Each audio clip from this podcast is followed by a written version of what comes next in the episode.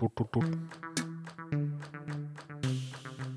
Du lytter til et podcast fra FC Københavns Fanradio. Programmet med tid til detaljerne. Vinterpausen er forbi. Transfervinduet er lukket. En storm nærmer sig Danmark, og det samme gør Superligaen. Vi skriver i dag torsdag den 16. februar, og det er den længste vinterpause i mands minde, som nu endelig er ved at være overstået. Du lytter til FC Københavns Fanradio. Vi skal lave 2023's allerførste optakt. Velkommen indenfor. Mit navn er Jonathan Folk, og overfor mig sidder dagens eneste gæst i den anledning, fordi vi tænker, at vi kan gøre lidt mere ud af det på mandag, når der også er nogle kampe at tale om, og Superligaen ligesom er kommet i gang. Så jeg skal kun byde velkommen til en mand, der også var her for øh, ja, 14 dages tid siden til en sindssvagt, kedelig maraton-udgave øh, af padling, som jeg aldrig nogensinde har prøvet det nærmest. Nemlig da vi lukkede transfervinduet. Mathias Holm Stenstorp, velkommen til. Tak. Mange tak. Øh, på en skala fra 1 til, øh, det var lige før, du hellere ville have kigget på malen, der tørrede i nørken. Hvor kedelig var den der transfer? Øh, ja, det, der skete ikke meget. Altså en ting er, at, at vi jo selvfølgelig har, har et fokus på FC København, når vi sidder der, men, men, men helt generelt skete der jo virkelig, virkelig lidt. Øh, men jeg synes, øh, jeg synes egentlig, vi, vi holdt den meget godt kørende med nogle quizspørgsmål og, og de ting, man nu engang kan snakke om. Men, øh, men til jer derude, der måtte have hørt alle fire timer efterfølgende, så siger jeg bare, well done. Altså jeg kan sige, at lige, lige nu er der, det er jo sådan, det der med, med, med lyttere, det er lidt svært at arbejde med, når det handler om podcast. Så mm. hvis nogen begynder at skrive om lyttere, det, det er en meget svær øvelse. Ja. Det handler mere om, hvor mange gange nogen har trykket øh, øh play eller pause på en podcast. Det er det, man tæller efter.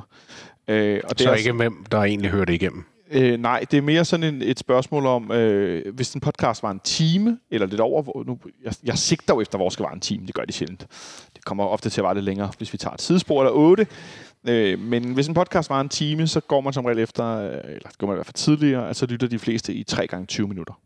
Eller sådan 20 minutters blokke. Og det, det genererer tre øh, plays. Øh, lige nu har den her øh, øh, lange transfer special, den har... Øh, 2261 plays.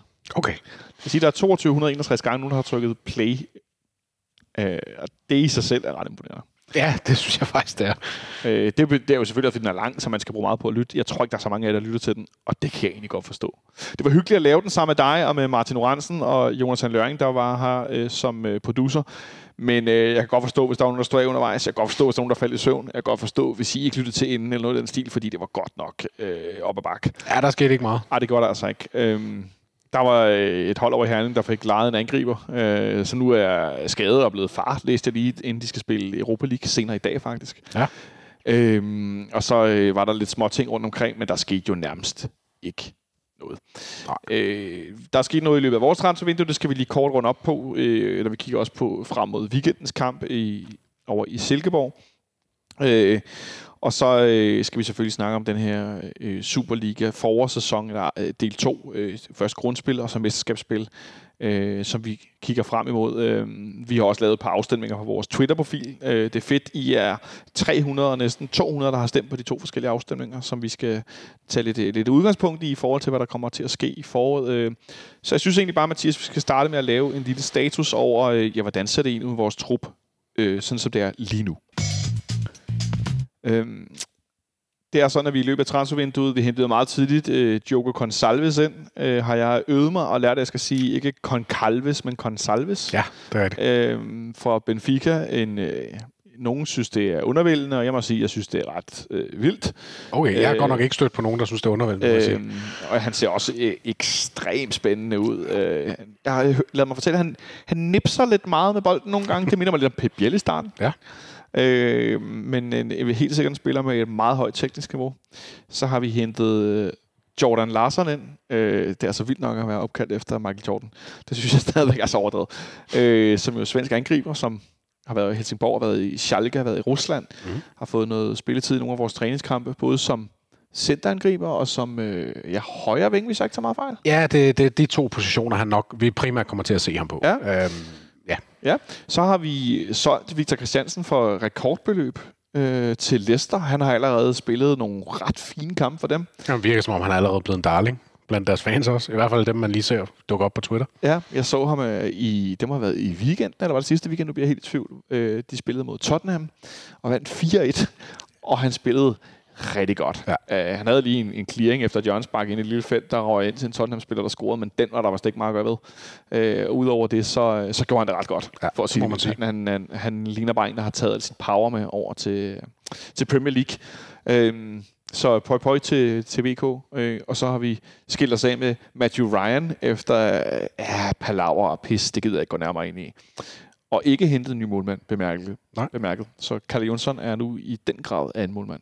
Det må man sige. Så har vi forlænget med, ikke med, med Føn og Klem, men med Lund og Klem, de to øh, unge øh, københavnerdrenge fra henholdsvis øh, Ammer og Skovs Hoved. Øh, ja. Jeg synes, de her videoer, de har lavet, Mathias, i forhold til forlængelserne, ja der er noget historik i Jamen, de der tunge drenge. Ja, det er så fedt. Ja, altså, det, det taler jo lige ind i fanhjertet, og det er svært ikke at blive, blive en lille smule blød om, blive, blive blød om hjertet omkring, når man ser de der, når det er helt små børn, der står i FCK-trøjerne, og så de står nu og er ja. førsteholdsspillere. Ja helt blød om fanhjertet. Ja. Det er godt nok ikke det sagt, det er vildt med. Øh, og så har vi selvfølgelig forlænget med en, en spiller, som der har været noget tvivl om, vi skulle forlænge med, kunne forlænge med, om han vil blive solgt. Øh, så gik han sidste, sidste år, kan man sige, det gik lidt ned midt på spillemæssigt. Men vi har nu forlænget med Rooney Badaji. Øh, helt kort, hvad, hvad tænker du om, at det lykkedes os? Om jeg er glad for det. Jeg er glad for, at det lykkedes, fordi at vi var mange øh, fans, der, der var begyndt at blive nervøs for, om, om det var sådan en, der de kunne bare ikke mødes, hvad end årsagen nu måtte være til det, men de kunne bare ikke mødes, og det, og det ville ende med et, med et alt for billigt salg, eller måske endda et kontraktudløb på et tidspunkt. Jeg tror, mange af os havde tænkt alle de værste tanker, men jeg er glad for, at det lykkedes, og jeg tror på, at han har en, en, en stor fremtid i København. Ja, jeg ved i hvert fald, at vores gode ven, Samuel Brask Marosi er temmelig lykkelig og sover nok lidt bedre om natten, efter at Vuni har forlænget, fordi ja. at, øh, hvis der er nogen, der har været nervøs for, at det ikke kunne lade sig gøre, så var det Samuel. Øhm, det var sådan lidt, hvad der er kommet ind og ud. Øh, så har vi jo ellers en, en relativ en, en taktrup. Øh, det blev meldt ud af Marco Stamenic, bliver ikke forlænget og forlader klubben til, til sommer. Han har allerede også officielt skrevet kontrakt med Røde Stjerne. Yes, korrekt. Øhm, og så er der den sidste ting, det, øh, som er sådan, hvad der ellers er status øh, rundt omkring i truppen. Øh, der har været lidt i nogle træningskampe, en der er gået lidt ud, og der Rami fik nogle ordentlige tæsk i den ene kamp mod, mod, mod Elfsborg, hvor han jo blev savet over. Det er rigtigt, ja. Øhm, og øh, nogle har spillet godt, der er nogle har spillet mindre godt, og så øh, er der Andreas Cornelius. Ja. Han er nu skadet igen, Mathias. Og igen. det blev allerede meldt ud i tirsdag ja, i forgårs, ja, hvor der har været. Nu ser vi her om torsdagen, vi spiller på søndag. Det var lige efter venskabskampen. Ja. Så det er øh, tirsdag. At han ikke bliver klar til weekendens kamp i Silkeborg. Og vi taler om, at han bliver skadet, kan mærke noget under opvarmning i den sidste testkamp i Portugal. Mm. Og ikke spiller den. Øhm, hvad tænker du sådan om det umiddelbart? At det, det er jo ikke et godt tegn. Altså det, det, det, det, det er der ikke nogen vej udenom. Det er ikke et godt tegn. Jeg så uh, Copenhagen Sundays interviewet Næstrup efter den kamp, og de sagde noget med, at forlydende var, at uh, Corner han havde glædet. Og der Næstrup iskold, så svarer han bare, ja, det ved jeg ikke, hvad der er glædet i hernede. Det er vel kun Corner, der kan det. Uh, meget, meget kontant oh, svar. det er jo som Næstrup er, men oh, Gud, jeg bliver lidt træt. Uh, og det, ja, ja, det, er jo, det er jo alarmerende. Det, det er vi jo mange, der synes, at det er selvfølgelig alarmerende, at, at, at nu gik det egentlig fint, en hel opstart uden en skade, og vi kunne høre på, på Næstrup og PC i deres afsluttende interview, skal vi kalde det det, det der klubhuset special, de lavede lige, lige efter de var vinduet var lukket. Ja, ja de, var kommet til Portugal. Ja, lige præcis, og sagde, at forløbig havde, havde Corner ikke misset nogen træningspas, og det så godt ud, og alt det der, han mente selv, at det så godt ud, og så, så kommer det bare ud af ingenting. Ja. Og det er, jo, det er jo frustrerende. Altså, selvfølgelig både fordi, at Corner er en rigtig dygtig spiller, og man vil gerne have en lykkes, men også fordi, at det er meget hurtigt, at, at tingene begynder, nu siger jeg krakelere, det, det er hårdt sat, men, men det er jo ikke planen, at, at vi skulle misse vores umiddelbare første angriber fra starten. Øh, så jeg er spændt på, hvordan, hvordan det, det, det, hvad det giver effekt. Og så synes jeg, det er interessant at sige, at FC, FC Københavns udmelding var forløbigt misser den første kamp på Silkeborg. Ja. Så der er ligesom en åben dør for at sige, så var der lige en kamp mere, så var der lige en kamp mere. Men og, og det andet aspekt er jo også, at vi taler med en mand, som har kostet os 40-45 millioner kroner hen til København, som formodentlig, og det her det er helt af egen regning, jeg aner det ikke. Jeg vil gætte, at han var i top 3 lønninger. Ja, hvis, ikke, jeg tror, han er nummer et. Hvis, ja, hvis ikke nummer et. Ja, men top 3, det er i hvert fald ikke øh, Og han har spillet ufatteligt lidt, siden han kom tilbage. Mm. Øh, det er så øh, nu cirka et halvt år siden. Ja. Måske lige over et halvt år siden. Um, han har scoret to mål mod Tisted i pokalen. Jeg kan godt lide Andreas Cornelius. Jeg kan rigtig, rigtig godt lide Andreas Cornelius. Både historisk set, den type han er. Jeg kan godt lide, at han af folk, der er mange folk, der har sådan en opfattelse at han er lidt dum, og det er han overhovedet ikke. Øh, at han er sådan lidt stor og bøvet, og mm. nej, det er han faktisk ikke. Øh, han er meget umiddelbar. Ja. Jeg ved godt, der er de historier, der han øh, bliver med at glemme sit pas og sådan noget, ikke? Øh, når de skal ud og flyve. Men, men jeg kan ret godt lide ham, sådan helt grundlæggende. Ja, om distræt og dum er jo heller ikke det samme. Nej, Kan man sige. nej, nej, men, men du, altså... Men ja, jeg er med. FCK Live og alt det der. Ja, præcis, ikke? Øh, øh, men, men jeg synes bare, det skal skilles lidt ad, og så kan jeg være med at kigge på, hvad det er, der foregår med, med, med hans fysik, som vi har set tidligere også. At han er meget eksplosiv, han har også haft problemerne i Italien, da han var i Parma. Han har også haft de her skadesproblemer øh, andre steder, også tidligere, da han var hos os. Men jeg kan ikke lade være med at tænke sådan lidt, okay, nu har vi hentet Jordan, Jordan Larsen ind, som er en angriber, der måske minder lidt mere om Pep Biel, for jeg ja. Lyst til at sige Enig. en, en corner, som var den her store angriber. Han gjorde det rigtig godt i nogle af træningskampene her i vinterpausen. Blandt andet mod Elfsborg, synes jeg, han var rigtig god. Mm-hmm. Men jeg får lyst til at sige, okay, nu har vi... Øh, jo, vi har spillet meget med Havkon. Øh, det, han kommer helt sikkert også til at spille nogle minutter som centerangriber nu, det er da ikke i tvivl om. Men nu har vi muligheden for at... Øh, det kunne man sige, at det brugte vi hele vinterpausen på at nulstille ham, men ligesom at sige, okay, nu er der en anden angriber også. Ja. Hvad er det, der foregår med hans fysik? Historien om, at han aldrig trænede i Tyrkiet, så gik det rigtig godt. At, altså, er det sådan en Damendøj, vi er ude i? Ja, men og Øh, det, nu nævner du det, fordi det, det er egentlig også en af de ting, jeg sådan tænker tilbage på, nu hvor det er gået galt igen. At øh, jeg kan huske, at han sagde, var det lige da vi havde købt ham, eller var det lige før vi hentede ham? Der sagde han det der med, at, at, at formulaen, eller formlen, hvis man siger sådan, i, i Tyrkiet, det var det der med, han trænede ikke så meget, men så spillede han kampene. ja. Og han spillede jo masser af kampe i Tyrkiet. Så blev han ikke skadet. Så blev han ikke skadet. Og nu er det, er det tredje gang, at han går ud i en opvarmning. Det skete i hvert fald en gang i, øh, i efteråret. Skete det to gange herinde i parken der? Ja, jeg kan i hvert fald huske, det sker en gang i... Jo, nu kan jeg ikke Det er, huske også, det. er i hvert fald sket herinde også. Og hvis det også er sket på udebanen, så må Ja. det... Ja. Så det er øh, minimum mange anden gange. gang. Ja, præcis. Og det, åh, det, det er jo ikke holdbart. Det er det jo simpelthen ikke. Og, og problemet er, at for hver gang det sker, og især når det er sket så mange gange i et ret kort tidsinterval, så mister man jo som fan troen på, at Corner han kommer, han kommer tilbage på et niveau, hvor han så spiller 10 kampe i træk. Har du mistet troen på det? Ja, det, øh, ikke 100%, men, men jeg er blevet langt mere øh, bekymret, vil jeg Ja. sige, end, end jeg var før. Altså, fordi jeg troede virkelig, som du nu nævner du det selv, jeg troede virkelig, at den her lange opstart, det var rigtig gavnligt for lige præcis en som Corner, der fik muligheden for ligesom at tage det helt stille og roligt, bygge op, bygge op, bygge op. Ja. Og så rammer det alligevel, når du står og skal til at, at, at have dig selv. Altså, jeg kan jo heller heller ikke lade være med at tænke det her med, at man bygger op via træningskampene og træning. Jeg forestiller mig, at tingene bliver mere og mere intensiveret. Så nu til sidst i en, i en opstart, der er man en periode, hvor man skal ramme de der, nu siger jeg noget, 80-90 procent, 95 procent af sit Ja. niveau. Og når han så kommer derop, så bliver han skadet. Og det synes jeg er bekymrende. Fordi en ting er, hvordan du undgår skader, når du præsterer på, igen nu siger jeg noget, 50-60 procent. Men hvis du er så udsat for skader, så snart du kommer op i, i, øh, i, i top pr- procentilen, hedder det det, percentilen, så åh, det, jeg synes, det er bekymrende, og jeg vil, øh, håber så meget, at Corner han lykkes i FCK, fordi at han er jo, vi, jo, vi, er jo alle, vi kan jo alle så godt lide Corner, og han er jo Ja. en fed type, og jeg, jeg havde jo håbet, at han kunne gå ind og ligesom slå sig fast her i foråret. Og så ligesom sige, nu er jeg målscoren, og jeg er første angriberen. Ikke at han skulle gå ind og lave 10 mål, det, det var sådan set ikke, men, men at han var utvivlsomt første angriber. Nu ved vi jo ikke engang, hvad hans skade består af. Nej.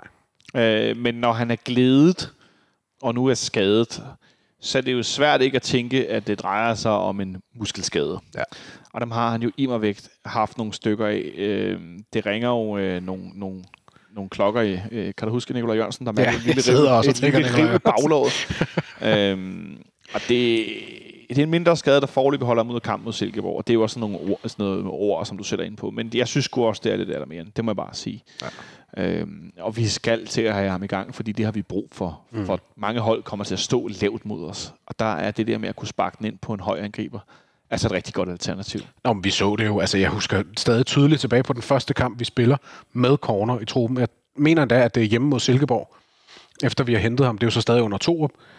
Og det der med, at vi havde en, at vi ikke skulle spille os helt ind, men om ikke andet, så kunne vi slå et, et indlæg fra en dyb position ind i feltet, og så skete der noget, fordi Ja. corner lå derinde. Der så man med det samme den impact, en, en type som ham giver. Og det er, altså, og, man kan så også, hvis man skal snakke lidt længere ud i, nu har vi lejet Ori ud til Sønderjyske, hvilket isoleret set er super fedt. Men det betyder også, at nu står vi tilbage med Jordan Larsen, som jeg tror på, så det er ikke så meget det, og Havkon, som er en anden type angriber. Ja. Så hvis man nu kigger ind i en situation, hvor Jordan Larsen han får tilspillet sig den her angrebsposition, så har vi lige, lige nu ikke nogen angriber, vi kan sætte ind i kampe. Nej, så, så, så, så er det kun ham og Havgren. Så er det ham og Havkon. Ja, ja. Og så kan Klaarsson spille den lidt. og Ja, så- men, men igen, det er sådan noget, altså, hvor, Ja. ja. hvor, når du har brug for en, altså hvis du skal jagte et resultat og gerne Ja, ja, ja. ja. to angriber op i et felt. Jeg ved godt, så har vi stadig Karamoko. Men, Gud, han er, ja, det har vi stadig. men, men han er jo ikke kampdygtig lige nu. Jeg ved ikke, hvor langt væk han er. Han blev meget apropos øh, skadet øh, på vores træningslejr i Portugal ja. igen. Det er rigtigt. Øh, men jeg kan sidde her og kigger, at det, det er rigtigt, at øh, Corners første kamp, han kommer tilbage mod Silkeborg, hvor Victor Klaarsson for øvrigt scorer et mål på forreste stolpe, fordi at Corner trækker så mange forsvarsspillere Ja, til sig. kommer han kørende ind, det er rigtigt, ja. Øhm, og han har været på banen i den kamp, så er han på banen øh, hvad hedder det, nede i Dortmund. Vi vinder 1-0 over AGF på hjemmebane, hvor han er med. Så øh, spiller vi i Sevilla og taber, hvor han også er med. Og han kommer ind og bonger rundt til sidst, og virkelig får tævet nogle Sevilla-forsvarsspillere, vil sige. Vi vinder i Randers, hvor han også øh, er en god del af nogle mål. Det er nogle rigtig flotte Det- kombinationsmål. Det synes jeg faktisk er den bedste kamp, han har spillet indtil videre. Ja. Det er den i Randers. Så øh, er han med, da vi vinder 3-0 her over Lønby hen i parken. Og så scorer han som sagt øh, to mål mod, øh, mod Tisted på udebane i den her maraton pokalkamp. Og er selvfølgelig også med, da vi vinder 2-0 i Aarhus til allersidst, hvor vi til Christiansen får scoret, inden han øh, bliver solgt. Ja. Øhm, jeg synes jo, vi er begyndt at se, for ligesom at runde af, et rigtig godt samarbejde mellem Christian Sørensens indlægsfod og Andreas Cornelius kæmpe store hoved. Mm. Øh, og det så vi også i den ene træningskamp øh, nede i Portugal. Altså den her øh, sukkerball ind til corner, hvor et Elfsborg forsvar var prisgivet. Ja. Den havde jeg lidt glædet mig til. Måske kunne blive det nye Peter Ankersen til Cornelius. Mm. Mm. Christian Sørensen til Cornelius. Det må vi vente lidt på, Mathias. Ja. Nå, lad os i stedet for øh, kigge lidt ud på Superligaen og høre, drage en lille status om, ja, hvad, hvad foregår der egentlig derude? PC her. Du lytter til FC Københavns Fanradio. Lavet af fans til fans. Øhm, der er sket lidt rundt omkring øh, i, i Superligaen også. Øhm, I dag er der kommet en historie ud om, efter at der var intern træningskamp i går på Vestegnen. Og øh, der var en, jeg tror, det forlod, der var 70-80 tilskuere til den her træningskamp. Sådan en, ja, internt. Det var mm. Brøndby-trup mod Brøndby-trup. Ja. Og hvor øh, Mathias Greve og Anis Benz Lemane under kampen er i noget klammeri en eller flere gange. De går i hvert fald råber til hinanden og frem og tilbage og kommer i noget ja, klammeri. Og så efter kampen, den her træningskamp er slut, så slår Ben Slimane, han, eller Slimane, han slår Mathias Greve mm. i ansigtet. Ja, og det blev, det blev rapporteret som, som et reel, en reel slåskamp, Ja. øh, og ikke bare lige en enkelt sådan chatten-agtig. Og jeg, jeg skulle sige, og ikke en lammer på skulderen. Nej, Det, det er i hvert fald det, for mig den store, store forskel er, om. Ja. du får en på skulderen, eller der er en, der skubber dig i brystkassen, og så ja. En, der slår dig i, ja, undskyld mig, lige fjeset. Det, det er sgu noget andet. Anis Ben Slomane, som jeg har set, han er blevet. Nej! wow. øhm, og øh, for den her side af Annedam er det jo svært ikke at smile lidt af, at de slås indbyrdes øh, 3-4 dage før, de skal spille deres første kamp i forsæsonen. Ja. Øh, efter at have skiftet øh, træner, øh, anfører og øh, ejer. Ja, Øh. og, og, og på det med ejer, der, der er jo, det ved vi jo alle sammen, hvor meget der foregår rundt omkring øh, deres klub. Ja. Med, med alt det, og med orange og så videre. Så at det lige kommer oven i hinanden, det, det, det er svært at ignorere. Ja, det må man sige. Og så forlyder det så i dag, at øh, øh, Vestegns politi faktisk efterforsker en, en, en anmeldelse om, om vold. Mathias, hvis vi havde en spiller, uanset hans status eller alder, 17 eller 37, øh, superstjernen eller reserven, hvad vil din umiddelbare reaktion være på, at en spiller slår en anden spiller på vej ud fra en intern træningskamp? Min første reaktion vil være øh, bekymring, forstået på den måde, at, at hvis man ender i sådan en situation, så vil min første tanke være, at så er der et eller andet i det der omklædningsrum, der ikke fungerer. Om det er mellem to, to kun to personer, eller om det er nogle større grupperinger og klikker, alt sådan noget der. Men jeg vil, jeg vil bare være enormt bekymret, Ja. hvis jeg hørte om, at sådan noget skete i, i, vores, i vores trup. Øh, jeg må tilstå, at min første tanke ville være, at øh, jeg, jeg kender godt de her klichéer og floskler om fodbold og i 80'erne og 90'erne og i Tyskland og Stig Tøfting-stilen om, at øh, ja, ja, men der kom de også op og slås, og der er tænding og sådan noget, og der har også været historie tidligere for vores træningsanlæg, hvor nogen kommer op og toppes og sådan noget. Men for mig er der stor forskel på, om det er noget, der er en del af fodboldspillet, mm. og så siger folk, ja, men øh, der er også nogen, der giver en albu i en kamp. Ja, men selvom at det ikke skal være en del af det, så er det en del af fodboldgærningen. Mm. Det er en del, som du bliver straffet for at udøve, men det er en del af selve fodboldgærningen.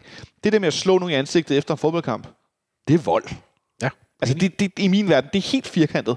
Hvis vi havde en spiller, der gjorde det, så vil jeg meget, meget, meget gerne ønske, at han blev suspenderet instant. Ja. Ja. Altså, det må jeg bare sige. Det er godt for det. Øh, så når jeg i dag ser, at øh, øh, hvad hedder det, Brøndbys øh, fan-medie eller hvad det nu, hvad man skal kalde det, tre point. DK har lagt et billede ud af Slimane og øh, Greve, der griner sammen. Mm. Så tænker jeg, okay, det er han så ikke blevet. Nå, det må de selv rode med. Jeg synes bare, det er meget interessant, og en interessant måde at håndtere det på. Øh, det må jeg skulle sige. Øh, og det vil sikkert sige, det har vi håndteret internt. Ja, det er lidt svært, når nogen slår nogle andre. Nogle har anmeldt det, vi må se, hvad der sker. Jeg synes i hvert fald, det, det er ret øh, interessant. Øh, andre steder i, i Superligaen, så har vi FC Midtjylland, øh, som jo sammen med Brøndby ligger nede i, ja, under top 6-stregen. Det er jo ikke Under stregen, nedrykningsstregen. ja. Ja. Under mesterskabsspilstregen. De har haft lidt problemer med at finde en angriber i transfervinduet. De endte med at, at lege en spiller, der næsten, jeg får lyst til at sige, næsten hedder Slimane. Mm. Øh, Ja, Selmani. Ja. er der. som, øh, som de fandt nede i Beersheva i, i Israel. Øh, en herre, som også har en lidt vild historie med... Og var på at diskutere og skændes og også slås med nogen og fået en masse karantæner nogle gange. Og, altså, også lidt, det virker for mig som lidt af et lotto det må jeg bare sige. Ja, det virker, altså jeg, jeg, jeg har jo svært ved at blive klog på FC Midtjylland, fordi at, at, at når man hører øh, folk tale om nu, øh, Mediano for eksempel, der, der virker det som om, at, at en af de øvelser, der ligger i Midtjylland lige nu, det er, at de har nogle unge spillere, som man simpelthen har tænkt sig at, at rykke frem i hierarkiet. Øh, en Simsier, en øh, Heiselberg, mener han hedder, og, øh, og den sidste, Valdemar Byskov Ja. øh, som er nogle, nogle unge spillere, og som man kan sige, hvis, hvis, hvis det har været helt planlagt, de skulle rykkes frem i hierarkiet, så er de jo ikke nødvendigvis så svækket, som vi egentlig vil gøre dem til. Og så alligevel, når du sælger Drejer, når du sælger Evander, når du sælger Kavar, de tre mest afsluttende spillere, og jeg ved ikke, hvor mange af deres mål, de har mistet, det er jo svært ikke at være spændt på, hvad det ender i. Og ja. det, kan, det kan man jo også fornemme, at øh, midt, de Midtjylland-fans, man nu måtte støde på på Twitter for eksempel, de er jo heller ikke super overbevist. Ej, er de. Og samtidig med det, så er Junior Bromado skadet for gang ja. nummer 650 inden for de sidste to dage, var jeg lige ved at sige. Øh, ej, undskyld. Men han, er- han er skadet igen. Mm. Øh, og jeg der har lige været video ude, hvor han siger, nu er jeg ved at være der, jeg har sken, taget sken i den anden hånd. Og, altså, det, det, det, Og det har jeg så misset. jeg, får, jeg får faktisk en lidenhed med manden, det må jeg sige. Ja. Fordi at, øh, det kan godt være, at Andreas Cornelius er meget skadet, men ham der, det, hver gang han er ved at være der, så, så øh, lidt samme størrelse. Jeg tænker, der kunne være lidt nogle af de samme problemer. Stor krop, musklerne er ikke så vilde med det der eksplosive fodbold. Øh, så de har så også nogle, nogle øh, udfordringer over i, i Herning. De skal som sagt spille mod Sporting Lissabon senere i dag, efter du og jeg har optaget i, øh, i Europa League. Men øh, de ligger sammen med, med øh, Brøndby under den her ej, jeg bliver ved med at skulle til at sige nedrykningsstregen. Det ville glæde mig, hvis det var det, jeg skulle sige. øh, det kan jeg desværre ikke. Øh, men de ligger under... Øh, Ja, under top 6-stregen. ja, top 6-stregen, kan man ja. Ja. sige det? Ja, det synes jeg, det, det er jo en streg, der bliver trukket, kan man sige. Ja, det kan vi godt. Det går vi med. Øh, der ligger de i hvert fald øh, begge to, og vi har spurgt vores, øh, vores medfans. Brøndby ligger jo nummer 10 med 21 point for 17 kampe, og Midtjylland ligger så nummer 7 med 23 point for 17 kampe. Og Randers på, på 6. pladsen har 24. Øh, der er jo stadigvæk alle de her 24. Silkeborg, OB, Randers 24 point. Midtjylland 23, AGF 22 og Horsens med 22 point. Brøndby med 21. Og så OB og Lønby ligner noget isoleret på 11. 12. pladsen med 14 og 8. Men i hvert fald Brøndby har 4 point op for at være A-point. Øh, eller 3 point. Øh, og Midtjylland har kun et enkelt.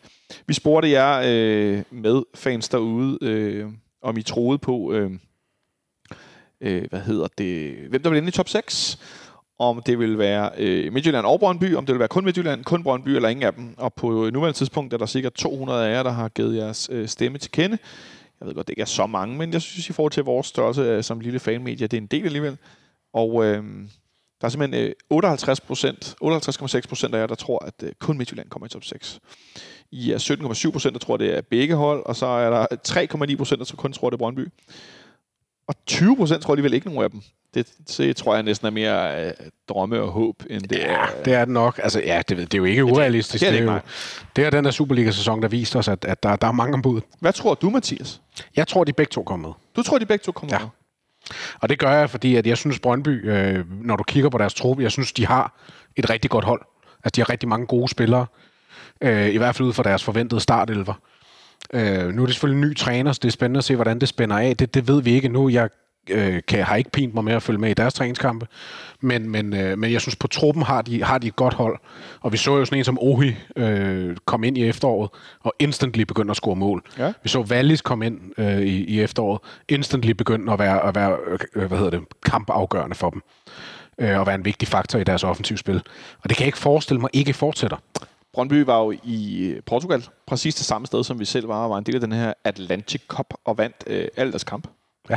De vinder 2-1 over Elsborg, vinder 2-1 over AK, øh, vinder 2-0 over Hamstart, og så vinder de 3-2 over Viking Stavanger til sidst.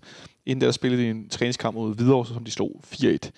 Øh, det ser da jo, altså for deres, jeg synes jo ikke, det er rart, når de er gode, men for deres synsvinkel ser det jo meget godt ud. Nu har vi jo før set, at det der med at vinde alle træningskampene, det behøver ikke at betyde noget som helst. Nej, det når gør det først tæller, men, men alt andet lige må det være lidt opløftende for dem. Ja, præcis. Nå, men, og, og, det, og det kan jeg jo godt forstå, hvis, hvis, hvis de er opløftet, øh, altså Brøndby-fans. Øh, fordi, og som sagt, og det er også en af de grunde til, at jeg tror på, at, at de kommer til at, at, at, at præstere godt, og dermed kommer i top 6. Ja. Udover det, så øh, har de jo haft gang i et ejerskifte også. Øh, de har indført nogle fanrestriktioner derude, som ikke er et away-kort, Det er rigtigt. men som er noget med navn på billet og registrering og alt muligt. Øh, så der, og så er der en masse, så er der en masse, ikke så er der en masse, men der er en masse boykot i forbindelse med det her. Øh, nu skal de spille hjemme mod Horsens på søndag, og hvad der kommer til at ske der, det, det, det er jeg faktisk lidt nysgerrig efter. Jeg er meget spændt på, hvad der kommer til at ske til den kamp. Altså, øh, kampen aside, men altså alt det udenomkring, hvordan, øh, altså når man, man kan jo fornemme, at der er, der er mange lejre, eller selvfølgelig to primære lejre, men der er selvfølgelig også nogle lejre derimellem omkring, hvad er man for, og man imod, skal man støtte Brøndby, og så alt det andet, det er, hvad det er, og du ved, alle de der ting. Ja. Det kan ende så mange steder. Øh, alene på søndag er det vel, de spiller Ja. øh, mod Horsens. Jeg er godt nok spændt på, hvad, hvad, hvad, hvad det ender med. Altså, går de ud og, og smasker Horsens 5-0, er altså liv og glade dage, øh, lige for et par dage i hvert fald. Øh, taber de, spiller de uafgjort, øh, altså, så, så kan det blive rigtig grimt. altså, jeg tænker tilbage på det der med de røde faner og Bjergård og alle de der ting. Ikke? Altså, det, det, det, med det forkerte resultat, der, der har jeg sådan en idé om, at det kan gå, gå meget galt derude. Og med det forkerte resultat, øh, nu ligger Brøndby jo lige bag ved Horsens. Lad os sige, de, jeg, nu, jeg tror desværre, de vinder den kamp. Sådan helt tror jeg også. objektivt. Men lad os nu sige, de spiller uafgjort eller taber den. Så vil Horsens så være op på øh, stadigvæk være et point foran, eller pludselig være fire point foran ret tidligt. Øh, der er mange hold, der skal overhales, men det er i hvert fald... Ja, Men lad os bare lige lege med den tanke der, hvis vi lige skal sidde i ja, drømmescenariet. ja, ja. Lad os sige, at Horsens vinder den kamp, hvilket jeg bestemt heller ikke tror på, men lad os sige, at de gør det, og OB samtidig slår AGF. Så kommer OB øh, tættere på Brøndby. Så, øh, Så er der fire point hul, ja. øh, og Brøndby bliver isoleret, lille smule isoleret, i hvert fald for Horsens, så vil AGF jo så selvfølgelig heller ikke rykke sig, men så kan der godt begynde at blive rigtig nervøse miner derude. Og når vi taler om det her, så er det jo også fordi, at den her top 6, som sådan kan det lyde ikke så afgørende, men det handler, øh, en ting er, at det handler om at være i mesterskabsspillet, og dermed have chancen for at ind i top 3 og have Europa-kvalifikation. Det er der penge i. Mm. Så er det også den her tv-penge-aftale, der gør, at de, de hold, der er i top 6, de får simpelthen en betydeligt større sum tv-penge. Mm. Øh, det vil Brøndby også rigtig gerne, ligesom alle mulige andre selvfølgelig. Men hvor det for dem med et større budget end mange af de andre klubber, øh, Randers, OB, Silkeborg, det er langt mere afgørende, at de får nogle af de her penge ind i forhold til øh, lønbudget og så videre, end nogle af de andre, der selvfølgelig også kan bruge dem og gerne vil have dem, men måske er budgetteret med lidt mindre, får jeg lyst til at sige. Ja. Hvor det er en bonus og ikke en, et must. Ja, præcis. Um, så øh, der, er mange, øh, der er mange vinkler i det, øh, men det bliver, øh, det bliver øh, spændende at følge, siger jeg med et øh, skæmsk smil. Øh, det glæder mig i hvert fald til, fordi at, øh, jeg tror også, der kan ske rigtig meget derude. Så er der den her kamp i morgen, der Superligaen starter, vi lige skal vende, inden vi skal tale om vores egen kamp. Det er sådan, at øh, Superligaen bliver sparket i gang i 2023 med en kamp i Aalborg mellem OB og AGF. Men øh, der er lige kommet en storm ind for siden, som kan ende med at være af orkanstyrke i Nordjylland, Nordsjælland og på Bornholm, hvis jeg ikke tager meget fejl. Øh, så det er sådan en, der går ned langs øh, mm. lige spidserne af, af, af Danmark. Øh, Mathias, øh, altså jeg, jeg er sådan lidt 50-50, men jeg tror, at den her kamp bliver aflyst, øh, fordi klokken 19 om fredagen, hvis der er orkanstyrke, og, øh, og man ikke, øh, altså sådan noget med tagsten, der kan flyve, og sådan noget med et stadion med, med bandereklamer, jeg ved ikke hvad, men hvad, hvad, hvad er status, som man kan læse sig til derude lige nu? Ja, men nu, øh, jeg, jeg har nemlig også tænkt samme tanke, at, at, at den kamp, den må der blive aflyst. Øhm, og nu må vi se, men altså nu så jeg, at Bold.dk tidligere i dag havde en artikel, hvor de har talt med Claus Thomsen, som er divisionsforeningens formand, Ah ja, øh, som bekræfter, at man er selvfølgelig opmærksom på vejret, og så som han siger, vi tager en beslutning om det, hvis det viser sig, at kampen ikke kan spilles. Mm. Og så kan man sige, okay. Øhm, og så siger han yderligere, det er helt uforudsigeligt, for vi er jo ikke her over vejret, så nej, det ligger ikke i kortene at aflyse kampen. Det er noget, vi aftaler, hvis det viser sig, at det bliver aktuelt. Så det, det, er, jo, det er jo et non-answer, egentlig. Men, men jeg, jeg kan bare ikke lade være med at tænke sådan lidt, når du har prognoserne, og du ved, Altså, det, du, du kan efterhånden meget, meget øh, korrekt eller præcis sige, i hvilket tidsrum er der så og så mange forventet og, øh, vindstyrke, meter per sekund og alt det der. Jeg er spændt på, hvor langt man trækker den. Ja. Altså, fordi at, øh, nu kan jeg ikke huske, hvor tæt på kamp, kampstart vi nåede den der gang, hvor vores kamp i Midtjylland blev aflyst. Ret tæt på. Jeg, jeg kender folk, der var det? kørt derover, stod ude foran og skulle til at lukke sig. Ja. Og så var der nogle bandereklamer, der røg ned fra kanten af taget, eller hvordan det var. Ja, og det var i hvert fald det, der var frygten. Ja. Øh, og, det er jo, og det er jo fair nok, det forstår jeg udmærket, men min første tanke er her, at, at jeg håber, at det er noget, man tager stilling til tidligt i morgen. Så. Hvis det er noget, man ikke vil tage stilling til i dag, og, vi, og ligefrem siger, at det, er, at det ikke ligger i kortene at aflyse kampen, ja. så, øh, så håber jeg inderligt, at det er noget, man, man tager kraftig stilling til tidligt i morgen. Altså ja. som i tidligt, vi snakker morgen eller formiddag. Og ser, er der nogle prognoser, der har ændret sig. Fordi der er altså også nogle fans at tage højde for her. Der er udsolgt udbaneafsnit, som jeg forstår det fra AGF. Jeg tror også, der er tæt på udsolgt fra, fra OB, hvis der ikke er udsolgt. Det vil sige, et, et, lad os sige et udsolgt, udsolgt stadion. Man har også et ansvar. I min optik har man et ansvar for ligesom at tilgodese de fans og sige, i god nok tid, sige, den her kamp den bliver simpelthen aflyst. ja. Hvis vi ikke kan spille den, når klokken er 12, kan vi så spille den klokken 7. Altså, og så, altså, så synes jeg personligt hellere, man skal sige, Nå, men så tager man beslutningen klokken 12 om formiddagen, den her kamp bliver ikke spillet. Så kan det være, at man står klokken 7, og så er det 17 sekundmeter i stedet for 25 sekundmeter. Og så kan man sige, nå, øv, øv, den kunne vi godt have spillet. Men hellere det, end at man ender med at stå en, en time før kamp og sige, nå, den kamp bliver så ikke spillet alligevel. Som det jo skete, nu sidder jeg her og læser op på tilbage i øh, 2015. Vi skulle spille over i, øh, over i Herning, og det var dengang Anders Hørsholt, han var øh, direktør i FC København, øh, og hvor vi jo faktisk lavede en, en klage, fordi at FC Midtjylland havde få timer før kampstart, som der står på DR.dk, meldt ud, at stormen ikke vil påvirke topopgøret. Mm. Fint. Øh, der var 900 FCK-fans, der var taget over, de måtte rejse hjem igen. Øh, og det viser efterfølgende, at det var rigtig kamp, der aflyst, da der blev revet skilte ned og ruder knus på stadion af stormen. Mm. Så det er måske en meget god idé, ikke? Øhm, altså, ja. som han siger, vi har aldrig anfægtet beslutninger om at aflyse, men vi var ikke tilfredse med forløbet på dagen, så det handlede mere om, at man netop bare sagde, nej, nej, det er ikke noget problem. Mm. Og så endte man med at aflyse, fordi det var jo tydeligvis Nå, uforsvarligt. jo, og, og det er jo selvfølgelig, selvfølgelig sikkerhed above all. Helt enig. Men hvis du er i tvivl om sikkerheden, ja. så må du altid tage det påpasselige standpunkt, synes jeg, i stedet for at, at satse. Ja.